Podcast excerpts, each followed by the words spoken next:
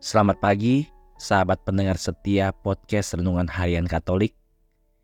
Hari ini, dalam waktu biasa, mari kita mendalami sebuah pesan dari Yesus yang terdapat dalam Injil Lukas 21 ayat 12 sampai dengan 19. Menurut Injil ini, Yesus berkata, "Mereka akan menangkap dan menganiaya kamu." Menyerahkan kamu ke dalam rumah ibadat dan penjara, serta membawa kamu ke hadapan raja-raja dan gubernur-gubernur karena namaku. Ini akan menjadi kesempatan bagimu untuk bersaksi.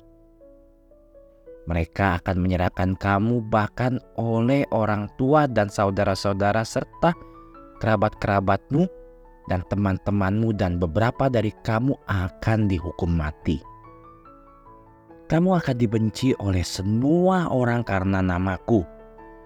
Namun, tidak sehelai rambut pun dari kepalamu akan hilang.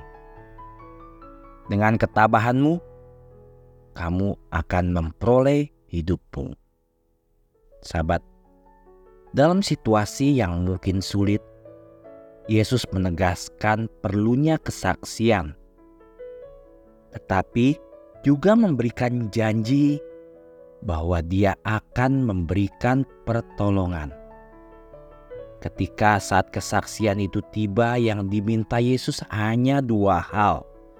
Pertama, percaya kepadanya. Tidak sehelai rambut pun dari kepalamu akan hilang. Dan yang kedua, tidak menyerah dengan ketabahanmu, kamu akan memperoleh hidupmu. Itulah contoh yang telah kita terima dari para rasul, para martir, imam, paus, uskup, dan jutaan umat awam, para kudus yang tidak pernah mundur, ragu, atau mengambil langkah mundur. Yesus meminta para pengikutnya untuk ketekunan dan umat Kristiani selalu berupaya setia.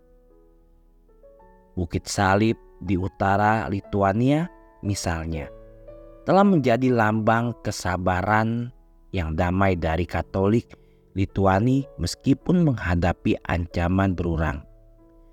Ketika negara itu memberontak melawan kekaisaran Rusia dan keluarga-keluarga tidak menemukan dan mengubur jenazah-jenazah yang telah meninggal, mereka memutuskan untuk menaruh salib-salib di bukit tersebut. Selama tahun 1944 sampai dengan 1990, Lithuania kembali dijajah oleh Uni Soviet. Uni Soviet bekerja keras untuk menghilangkan salib-salib baru dan beberapa kali membabat habis lokasi tersebut.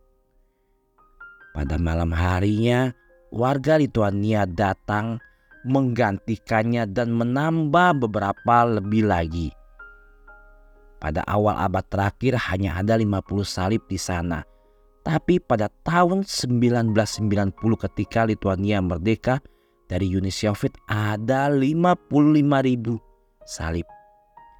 Saat ini ada lebih dari 400 ribu salib di bukit tersebut sebuah prasasti peringatan terukir dengan kata-kata Paus Yohanes Paus II berbunyi, Terima kasih warga Lituania atas bukit salib ini yang bersaksi kepada bangsa-bangsa di Eropa dan kepada seluruh dunia akan iman dari rakyat negeri ini.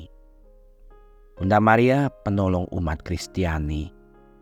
Melalui perantaranya dan juga bagi jiwa-jiwa suci yang saat ini sedang kami doakan.